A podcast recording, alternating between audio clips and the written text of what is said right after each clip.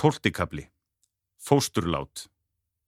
Nokkrum vikum fyrir réttarhöldin segir lögmaður okkar að Alexandra hafi mist fóstur í átökunum sem hún átti upptökin að á heimil okkar. Þetta er sjokk og gerir málið allt mun alvarleira. Þetta er brekka, segir gummi lögmaður. Mér finnst með ólíkindum að Alexandra hafi glimt að minnast á svo alvarlegt mál í yfirherslum hjá lögreglu tveimur árum fyrr.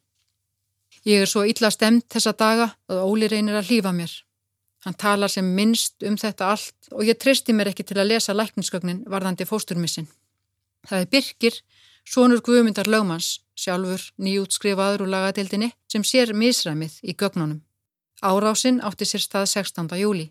Þann 10. ágúst tekur Alexandra þungunapróf og reynist þunguð. 24. ágúst fyrir henn að blæða og fyrir að kvennadild. Hún hefur mist fóstur og var komin sex vikur á leið. Hún var komin í mestarlægi þrjá daga á leið þegar hún ruttist inn í húsið mitt.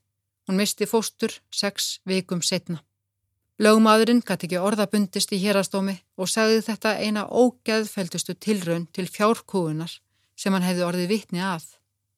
Þessu fólki er ekkert heilagt.